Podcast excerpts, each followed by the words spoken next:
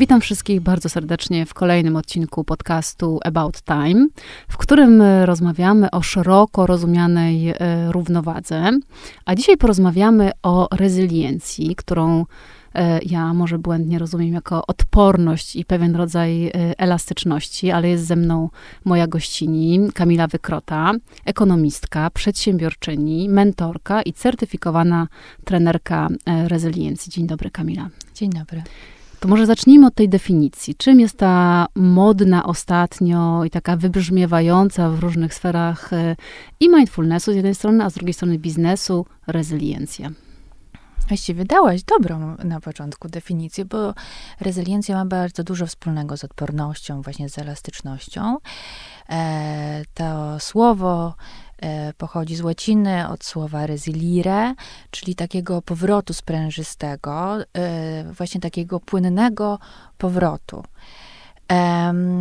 I e, jest związane z takimi umiejętnościami adaptacji do nowych warunków, powrotu do właśnie równowagi, do takiego optymalnego naszego stanu, po y, jakichś wyzwaniach, które mamy, e, czy to jakichś większych, mniejszych, e, po konfliktach, po jakimś e, prawdziwym albo wyimaginowanym e, często poczuciu zagrożenia, e, to właśnie jest taka umiejętność powrotu do swojej równowagi.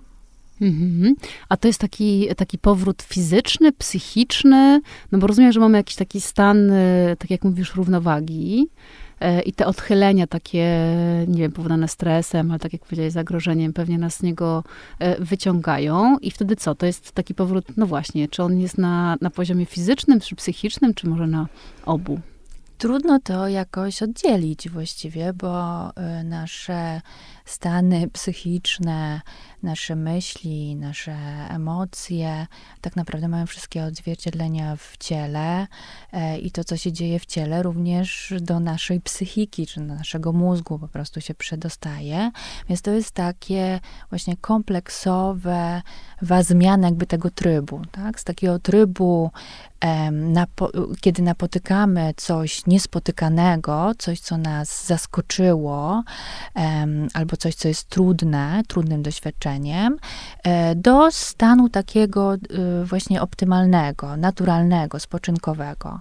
A czy to, że działa w drugą stronę? Tak sobie myślę, że to odchylenie też działa w pozytywną stronę, no bo rozumiem, że nie wiem, jak na przykład mój stan równowagi jest jakiś i wydarzy się coś super ekscytującego w pozytywnym sensie, to czy rezyliencja też przewiduje ten powrót do stanu podstawowego z tej dobrej strony?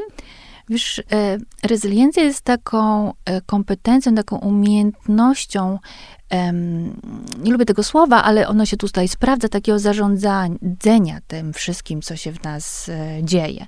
Więc jeżeli z jakiegoś powodu, nie wiem dlaczego, z jakiego miałoby być to powodu, bo taka ekscytacja mm, no jest jakby chyba takim pożądanym, wydaje mi się, stanem, nie nadmierna, która no oczywiście wszelkie ekstrema nie są pożądane, e, to tak, jak najbardziej można to e, również zastosować do tego, żeby się no, w takim kolokwialnym znaczeniu wyciszyć, uspokoić, wyhamować. A po co nam w ogóle ten, ta umiejętność powrotu do stanu równowagi? No właściwie do tego, żeby y, móc y, funkcjonować sprawnie, funkcjonować, żeby też mieć satysfakcję z tego, co robimy, e, żeby można było w taki nieskrępowany sposób też jakoś działać, rozwijać się.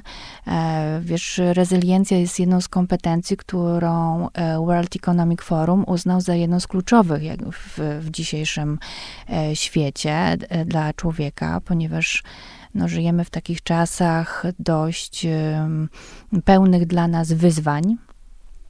Mm, no mieliśmy to określenie świata WUKA, teraz to, to określenie to jest tam BANI, to są takie tam akronimy, które mają za zadanie e, pokazać te no, cechy tego nowego świata, w którym funkcjonujemy, który właśnie jest bardzo nieprzewidywalny, niepewny, w którym rzeczy dzieją się bardzo szybko i my jesteśmy przebodźcowani.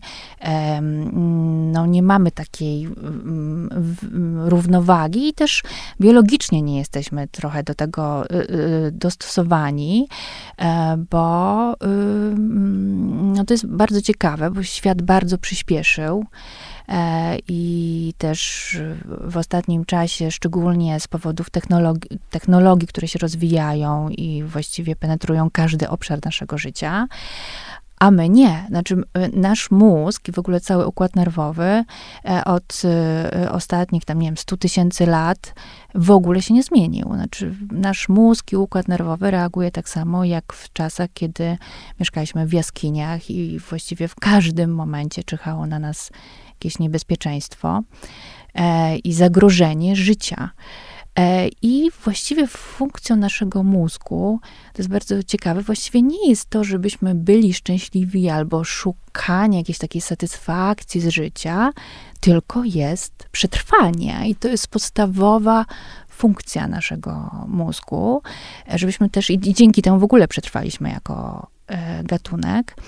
E, tylko wiesz, tych zagrożeń już nie ma, takich jakie były kiedyś, teraz są całkiem inne, ale my nadal reagujemy tak samo jak wtedy, tak? Na jakieś dzikie zwierzęta, czy e, które mogły nas zaatakować, e, czy wykluczenie, na przykład to jest bardzo ciekawe, wykluczenie kiedyś z naszego plemienia oznaczało właściwie śmierć, pewną śmierć, gdzie nie mogliśmy, nie byliśmy w stanie się ochronić w tym świecie i nie byliśmy w stanie też zdobyć pożywienia. Teraz tych y, wyzwań nie ma, ale tak samo reagujemy na przykład na to, że nie wiem, ktoś nas y, nie zaprosił na spotkanie, na, na, albo jakieś sygnały dostaliśmy w naszej pracy, że znaczy jakaś tam informacja, um, która do nas dotarła, uruchomiła w nas takie e, przekonanie, że na przykład nas wyrzucą z pracy. I, e, no i niestety mamy bardzo dużo takich zniekształceń, tak zwanych zniekształceń, zniekształceń poznawczych, przepraszam, które nas które wyolbrzymiają pewne sytuacje e, i gdzieś tam na poziomie podświadomym, no bo oczywiście to racjonalnie wiemy, że, że tak nie ma i nie będzie, że nagle zostaniemy bez środków i umrzemy z głodu, ale nasz e, organizm, e, nasze ciało, nasz układ nerwowy, no jest to możliwe, że wpada w taki tryb przetrwania e, i, no i działa tak, jakby faktycznie nam coś bardzo e, zagrażało. Więc cywilizacja, znaczy cały świat się bardzo zmienił, natomiast my nie. Znaczy ewolucja jakby nie nadążyła za tymi zmianami, które są e, wokół nas. E, teraz jeszcze bardziej świat przyspiesza, tak? To wszystko, co się w tej chwili dzieje, więc wydaje się, że że to jest jakieś to nasze zadanie. E, nasze zadanie, żeby szukać tej równowagi właśnie, żeby wychodzić z tego stanu zagrożenia, żeby jak najwięcej przebywać w tym stanie, w takim trybie, jak to się często mówi właśnie rest i digest, czyli takiego spoczynku i digest, czyli takiego e, trawienia, ale nie tylko trawienia, nawet też też dosłownym tego słowa znaczeniu, ale takiego trawienia w ogóle rzeczywistości, czy takiego tam, czasu na e, refleksję. E, no i widzimy, co się dzieje, jeżeli ludzie tego nie robią. E, mamy właściwie największe wskaźniki depresji, odkąd badamy to. E, widzimy, jak wiele osób jest w wypaleniu e, zawodowym i e, też nastolatki i, i, dzieci widzimy, że coś tutaj poszło nie tak i nie ma znikąd jakby pomocy. E, dlatego między innymi no, neurobiolodzy i, e, i naukowcy, którzy zajmują się w ogóle człowiekiem i właśnie tak paradoksalnie właśnie dzięki tym nowym technologiom jesteśmy w stanie zobaczyć, zobrazować to, co się dzieje e, w nas. Dzięki nim wiemy, co się dzieje i też wiemy, co możemy zrobić, co działa, co nie działa, co możemy zrobić, żeby to, to zmienić. A powiedz, to jest um, taka cecha, czy tak jak ją nazwałaś, kompetencją, czy to jest coś, co mamy naturalnie wrodzone, czyli rodzimy się z większą bądź mniejszą y, elastycznością i odpornością, czy, y, czy nie? Czy to jest jednak kwestia, nie wiem, okoliczności, których doświadczamy, praktyki naszej własnej, mm, ćwiczeń, świadomości? Wiesz, to też było zbadane e, i okazuje się, że e, my dziedziczymy ten poziom e, rezyliencji w, w takim przedziale między 25 a 52%. Natomiast to, to, to pozostałe, tak, ten pozostały udział to jest E, w dużej mierze nasze wychowanie, to w jaki sposób zostaliśmy wyposażeni przez rodziców, naszą rodzinę e, w różne cechy, takie na przykład jak determinacja, albo takie zdrowe poczucie własnej wartości, albo wiara w siebie, e, poczucie humoru. Słuchaj, to jest bardzo też istotne i okazuje się, że ma wpływ też na poziom tej naszej wytrwałości, rezyliencji, czy też na przykład takie nastawienie na jakby pozytywne rzeczy, takie bycie takim optymistą, ale takim realnym op optymistą. E, I oczywiście różne wydarzenia, które e, się dzieją też w naszym całym życiu, mogą na to po prostu wpłynąć, ponieważ e, nasz mózg, który steruje tym, nasz mózg uczy się w działaniu. E, I e, jeżeli napotyka trudności, my te, przez te trudności jakoś przechodzimy, e, to, mm, to wszystko jest ok. Tak? Natomiast jeżeli napotykamy trudności z różnych względów, nie na, trochę nas powalają, na przykład te trudności, albo trochę nas e, jakby wywalają właśnie z tego, e, z tej homeostazy, z tego takiego naturalnej równowagi, którą mamy, e, to bardzo często jakby trochę może nastąpić takie wycofanie, unikanie, albo um, uruchamiają się właśnie takie um, rzeczy, które nas wrzucają w ten tryb taki zagrożenia. E, dużo się o tym mówi, te walki, ucieczki albo właśnie takiego zamrożenia.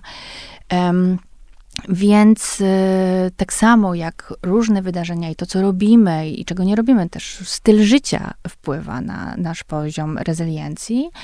E, tak samo my możemy świadomie wpływać na to, żeby być bardziej e, odpornymi e, w, w właśnie zderzeniu, w konfrontacji z jakimiś wydarzeniami w naszym życiu, trudnymi wydarzeniami. Mhm. A jaki jest koszt takiego braku tej odporności? No mówiłaś o depresji, ale mm, bardziej chodzi mi o to, czy jak sobie to zdiagnozować u siebie, czyli jak ja mam się dowiedzieć, jaki jest poziom tej mojej E, wytrzymałości, elastyczności e, w, w, kontrze, czy tam w zestawieniu do, do tych, jak mówisz, przykrych doświadczeń, ale ja myślę, że też mogą, możemy to ująć do tych takich super ekscytujących, które też nas z, z tej homeostazy odrobineczkę mogą wyrzucać. Wiesz co, jak y, jest ci dobrze, dobrze ci się żyje, to dobrze śpisz. to, y, to generalnie nie mam w moim odczuciu jakiejś takiej potrzeby, żeby, żeby to jakoś tam badać. Natomiast jeżeli czujemy, że, że coś jest nie tak, no i oczywiście, bo, bo depresja, czy, czy tam jakieś inne Mm, stany, w których jesteśmy, no to oczywiście jest tutaj e, terapia i terapeuci, specjaliści, którzy potrafią to jakoś też u nas diagnozować.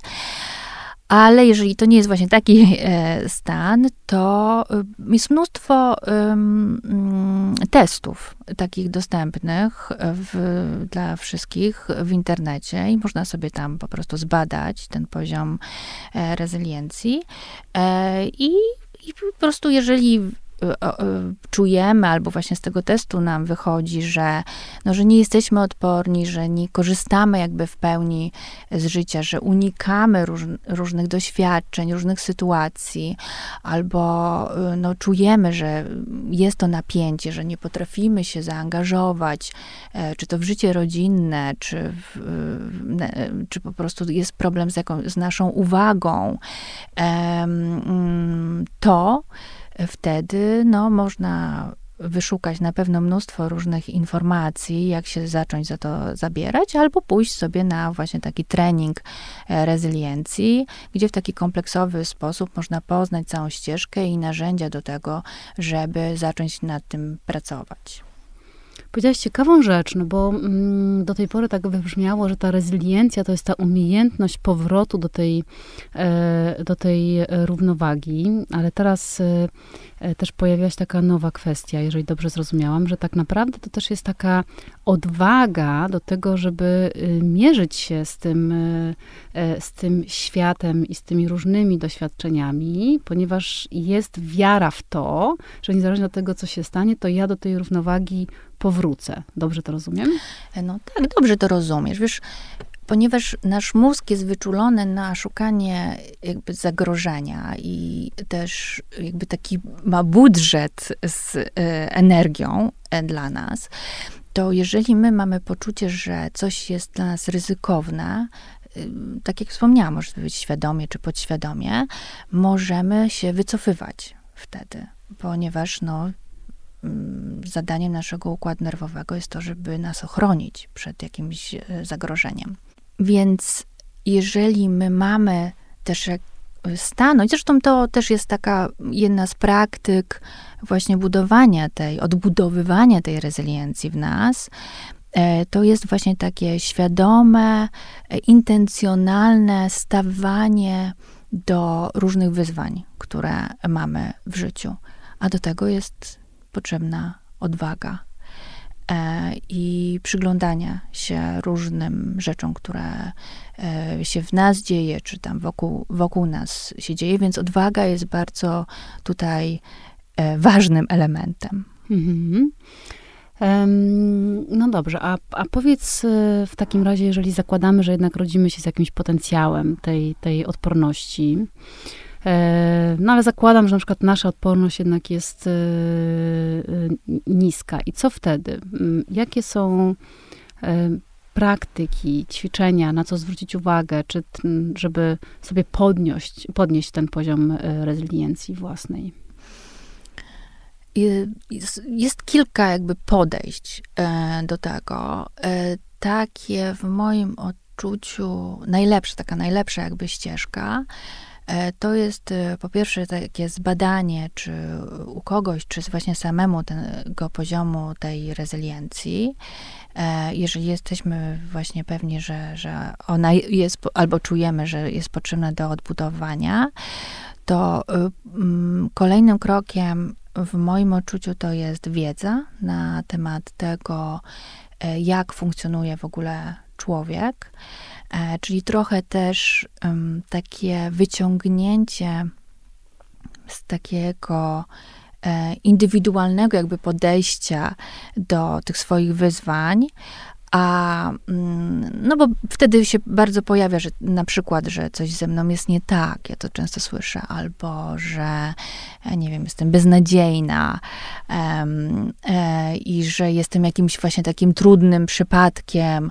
Okazuje się, że nie, znaczy większość ludzi mamy takie same wyzwania i nasze e, ciała, nasz e, układ nerwowy, nasze mózgi bardzo podobnie e, funkcjonują, więc sama wiedza na temat tego, to z mojego doświadczenia bardzo dużo e, daje też takiej ulgi, ale też takiej nadziei na to, że to można coś z tym robić. E, kolejnym e, krokiem to jest przyglądanie się już sobie i, i, i włączenie takich, Linda Graham, jedna właśnie z naukowczyń, które zajmują się rezyliencją, ona mówi o różnych takich rodzajach inteligencji w tym kontekście. I e, to jedną z nich to jest inteligencja somatyczna, czyli zajęcie się swoim ciałem, przyglądanie się swojemu ciału, temu właśnie jak reagujemy w różnych sytuacjach, e, jakie, czy mamy spięcie, czy w, w którym jesteśmy właśnie z tym tryb, z trybów e, e, w zagrożeniu.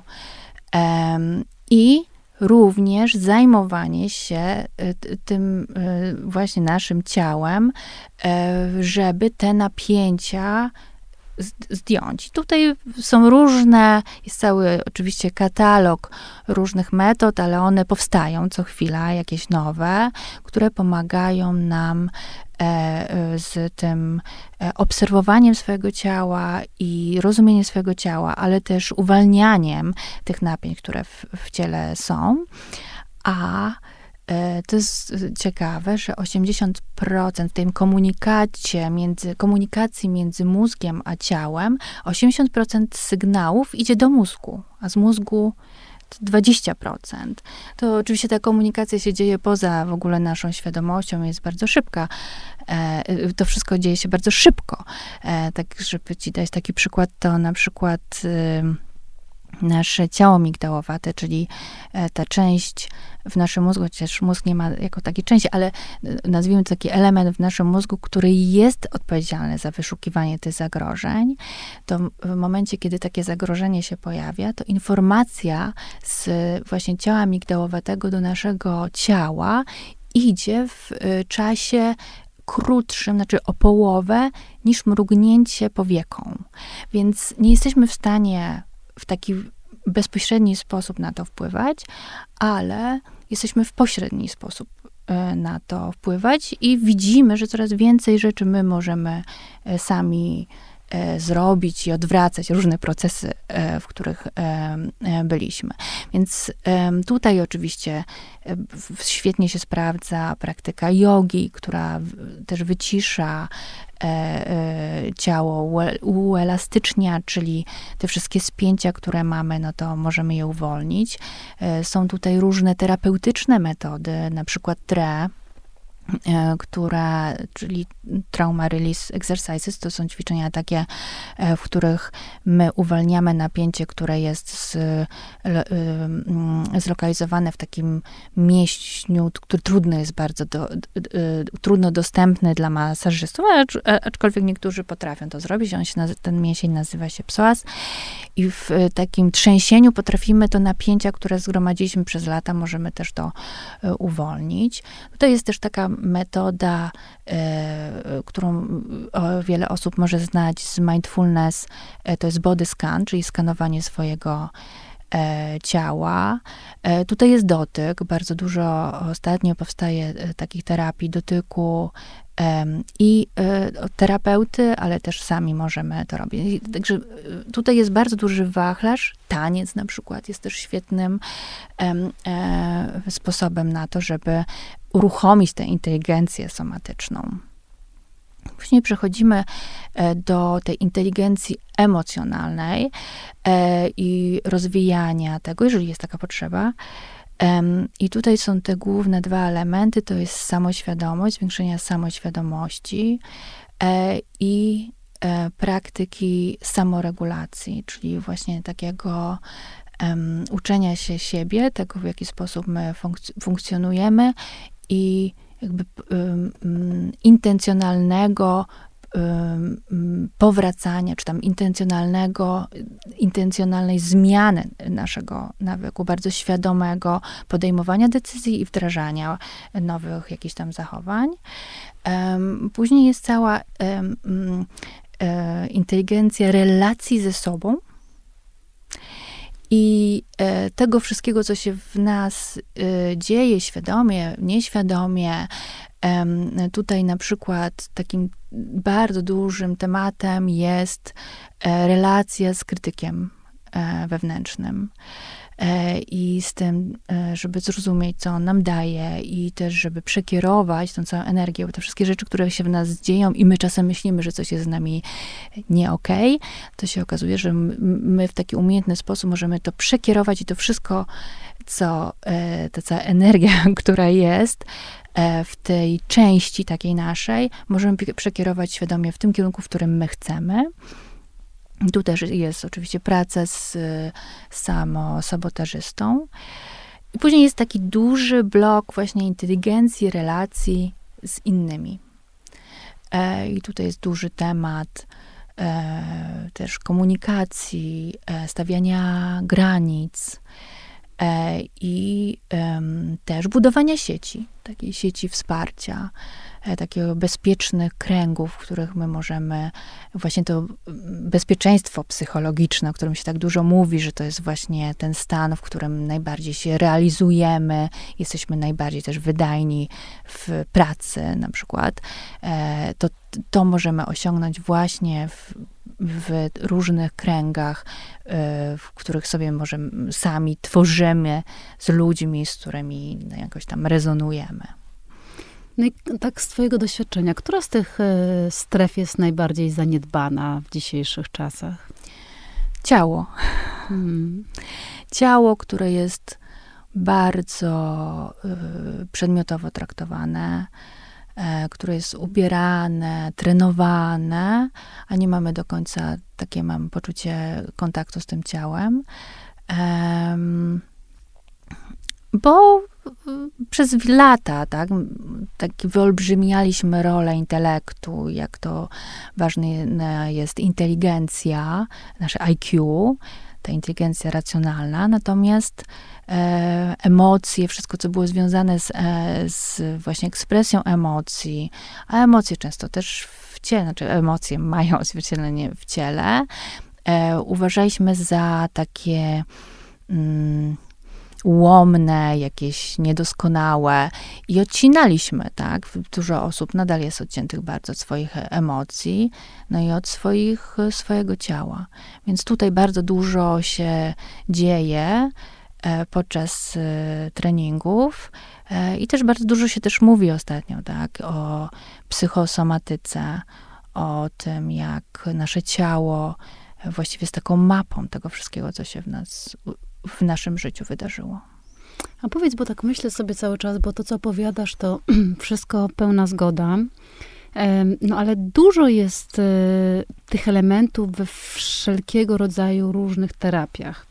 Ja się zastanawiam, czy ta, ten trening rezyliencji, czy on się czymś różni tak specyficznie, czy ma jakieś takie swoje cechy bardzo charakterystyczne i inne od e, nie wiem, od budowania samoświadomości, od y, różnych terapii takich behawioralnych. To nie jest terapia mhm. przede wszystkim i terapię prowadzi y, doświadczony, certyfikowany terapeuta. E, to jest trening jakiejś umiejętności, bardzo szerok, szeroki. Jak słyszysz, jest tutaj bardzo dużo elementów. I to jest właśnie zazwyczaj robione z taką intencją właśnie, żeby tą swoją elastyczność i odporność wzmocnić. I te osoby, które na przykład trafiają do mnie, to są, e, te, e, to są osoby, które na przykład pracują w dużych organizacjach, zarządzają dużymi organizacjami e, i czują, że właśnie nie potrafią się wyłączyć w ogóle. Że cały czas są w tym takim trybie takiego pod, podwyższonego ryzyka. E, I zazwyczaj tego w ogóle nie rozumieją, dlaczego tak jest, dlaczego nie potrafią się wyłączyć, albo czasem um, wiedzą, że coś jest nie, nie okay, ale nie chcą się wyłączyć, bo mają jakieś takie przeświadczenie, że są, że pracują, że, że, że są aktywni, że są produktywni, a to jest nieprawda, jak wiesz. Um, więc y, to jest właśnie, dla, to ma bardzo dużo różnych elementów e, połączonych ze sobą e, w, w celu tego, żeby po prostu w takiej podróży, no bo to wiadomo, że taki trening, to on daje tylko narzędzia, jakieś tam wytyczne kierunki i nikt tej pracy za nikogo nie zrobi. Każdy musi poświęcić więcej lub mniej, to jest bardzo indywidualne, czasu do tego, żeby zauważyć y, różnice. Mhm. Um, jeszcze tak um, myślę o tym, tak naprawdę, jakie są um, plusy, benefity tak naprawdę tej rezyliencji, bo tak jak powiedziałaś, te odchylenia czasami stają się po prostu normą. Jak nam się wydaje, że właśnie się wyłączymy, że mm, przeskoczymy z tego punktu takiej jednak mobilizacji, prawda? No bo na tych odchyleniach myślę, że i pozytywnych, i negatywnych istnieje taki rodzaj mobilizacji, która sprawia czasami, że żyjemy, że nam się chce, że działamy, że mamy sprawczość. Tam jest bardzo dużo takich pseudo-benefitów. Mm, więc yy, dlaczego to nam szkodzi? Wiesz, szkodzi nam, szkodzą nam ekstrema, znaczy jak jesteśmy właśnie w jakimś ekstremum, ten, ten stan taki, mm, taki fizjologicznie zrównoważonego układu nerwowego, czy tam mózgu, to wcale to nie jest taki stan niedziałania, wręcz przeciwnie. E, ten stan do którego dążymy właśnie w tej rez rezyliencji, takiego bycia jak najwięcej czasu w tym trybie, to jest stan, w którym nasz mózg jest spokojny, jest zrelaksowany, ale jednocześnie jest zaangażowany i czujny. Czyli jest w stanie e, działać, e, jest w stanie podejmować jakieś, o, o, szacować, podejmować jakieś E, ryzyko. Mm, więc jest to jak najbardziej pożądany e, stan, i to właśnie ten stan powoduje, że jesteśmy w stanie funkcjonować w dużym chaosie czy w dużej niepewności e, w taki zdrowy sposób, w taki zdrowy, zrównoważony sposób. Mhm, taki stabilny, prawda, że nie idziemy za tymi wszystkimi kryzysami i kryzysikami i jakby nie, e, no trochę tak ja sobie to wizualizuję oczywiście jako tą bańkę wstańkę, że gdzieś tam, wiesz, odchylamy się w różne strony, ale na koniec wracamy do, e, wracamy do pionu i to jest ten stan naszej, e, naszej homeostazy. Mm, a powiedz, bo też jestem ciekawa, bo powiedziałeś, że nasz mózg się nie zmienia. I Naprawdę? Ja mam takie, że to jest, y, tak myślę sobie o tych ludziach sprzed dwóch tysięcy lat yy, i rozumiem, że jakby są takie same mechanizmy mózgu, ale też tak myślę w ko- na przykład w kolejnych, nie wiem, 50 latach, kiedy ten świat się jeszcze bardziej zmieni. Myślę, że on naprawdę jest taki sam i że tam nie zachodzą żadne, yy, żadne zmiany? Y, tak, zmienia się, ale y, ten, te tryby, w które, w, które, w które wpadamy, czy nasze reakcje i bycie właśnie reaktywnymi, e, czy takie działania e, automatyczne, które się w nas uruchamiają, no są takie same prawdopodobnie. I one nie są jakby właśnie adekwatne do tych okoliczności, w których funkcjonujemy w tej chwili. Czy nasz mózg się zmieni? Wiesz, tak jak ja się teraz przyglądam temu wszystkiemu, co się w tej chwili e, dzieje, to, to myślę, że na pewno się zmieni. Znaczy, mam nadzieję ogromną, że my też coś zrobimy tutaj e, sami E, z siebie i zaczniemy się bardziej sobie, sobą zajmować, e, chociażby w kontekście właśnie tej sztucznej inteligencji, o której bardzo dużo się w tej chwili mówi, którą się trochę też straszy ludzi i przywołuje takie sceny właśnie z różnych filmów science fiction. A prawda jest taka, że mm, sztuczna inteligencja ma być naszym asystentem, ma służyć nam. E, nam, czyli takiemu zdrowemu, dorosłemu, czyli takiemu mądremu człowiekowi, który też będzie te technologie w taki odpowiedzialny też sposób, e, wiesz, wykorzystywał.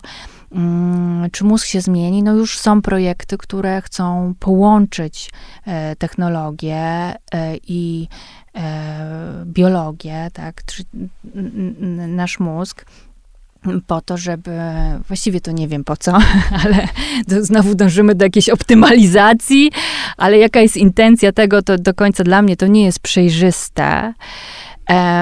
No, Kurzweil to jest taki mój ulubiony futurysta. To on właśnie kilka lat temu no, mówił o tych różnych nanobotach, które będziemy mogli sobie tam wpuszczać e, do organizmu i one oprócz tego, że będą nas diagnozować, leczyć, to też będą mogły nas e, usprawniać. E, więc chociażby z tego względu myślę, że małe jest prawdopodobieństwo, że nasze mózgi, układy będą takie same ale naprawdę coraz bardziej widzę tą, tę potrzebę tego, żebyśmy zaczęli się sobą bardziej zajmować. E, I,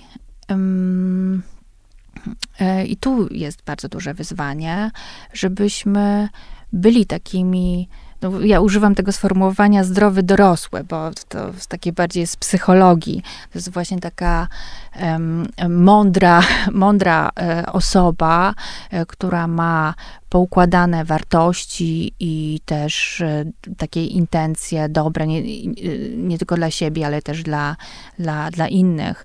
E, więc może to jest moje, ale, ale myślę, że tutaj jest coś do zrobienia w tym obszarze.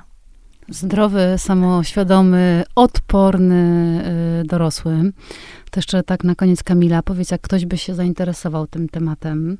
Ty na pewno masz mnóstwo guru, y, których warto, warto posłuchać i przebadać w sobie, poglądać tą rezyliencję. To opowiedz, gdzie warto szukać y, wartościowych informacji na ten temat.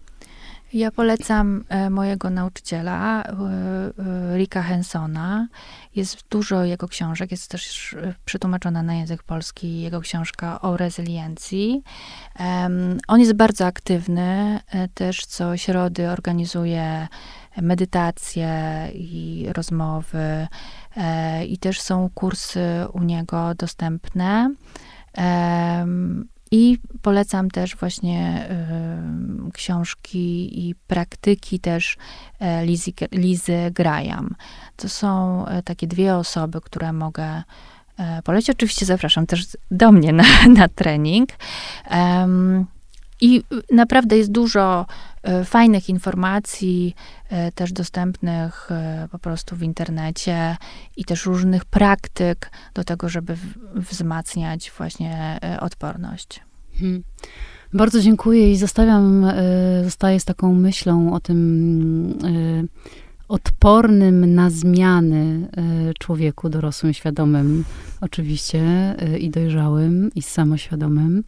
E, I to jest bardzo ważne. Rzeczywiście, tak jak powiedziałaś na początku, w tym świecie, który tak strasznie się zmienia i zmienia się chaotycznie, jesteśmy ciągle zaskakiwani, to ta odwaga i wiara w to, że ja i tak, jak ta bańka wstańka, się podniosę i będę sobą i nie poddam się tym wszystkim kryzysom, które mnie atakują i zewnętrznie, i wewnętrznie, wydaje mi się, że sama ta świadomość i ta wiara w siebie, którą można, tak jak powiedziałaś, zbudować e, samemu, jest bardzo ważna. Dziękuję, Kamila. Dziękuję.